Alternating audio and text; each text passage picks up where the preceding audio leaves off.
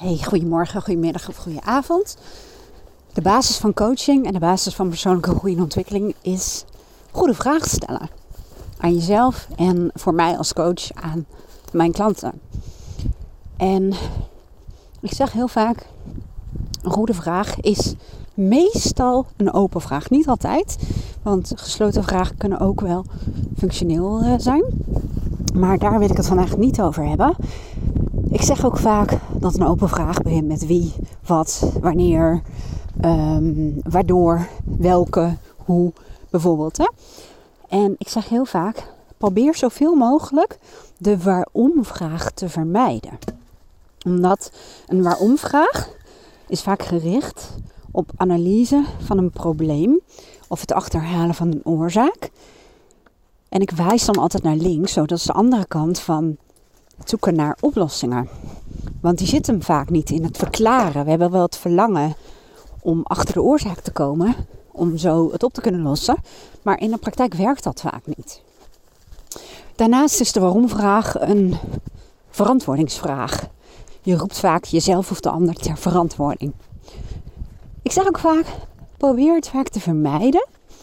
Maar er zijn ook goede waarom-vragen. En al lopende vertel ik die. Je hoort waarschijnlijk mij iets hijgen. Heeft niets mee te maken of mijn conditie wel of niet goed is. Die is godzijdank heel erg goed. Alleen mijn neus staat iets scheef.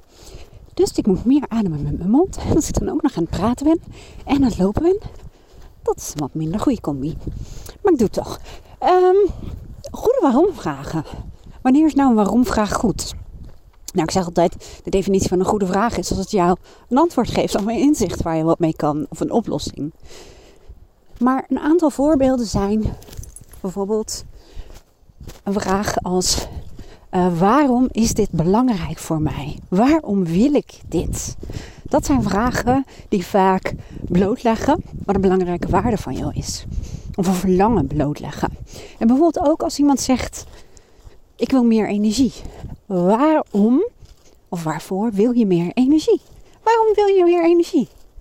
En dan geef je vaak antwoorden waarom je bijvoorbeeld meer energie of meer geld zou willen hebben. Want anders heeft meer energie of meer geld gewoon nul betekenis.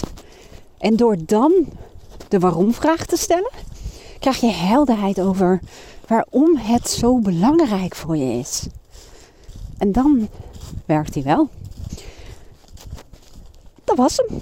Ik ben verbaasd over mezelf. Want dit is een echt een hele korte podcast. En zul je zien dat ik zo meteen helemaal een uitleg daarover ga. Dan wordt het alsnog een lange podcast. Maar dat doe ik niet. Want ik ben bijna bij het hek van ons, uh, van ons pad naar het bos. Uh, we wonen zeg maar aan het bos. Dan hebben we een pad. En dan kunnen we echt een heel groot bos mee bereiken. En mijn afspraak met mezelf en de hond is dat zodra ik het poortje door ben dan leg ik mijn telefoon met mijn zak. En dan ga ik wandelen met aandacht. En dan kun je vragen: waarom is dat zo belangrijk voor jou? Omdat ik dan met mijn aandacht en met mijn zintuigen in het bos ben. En omdat ik dan echt heel erg tot rust kom. En dat ik dan mijn brein de ruimte geef om te processen.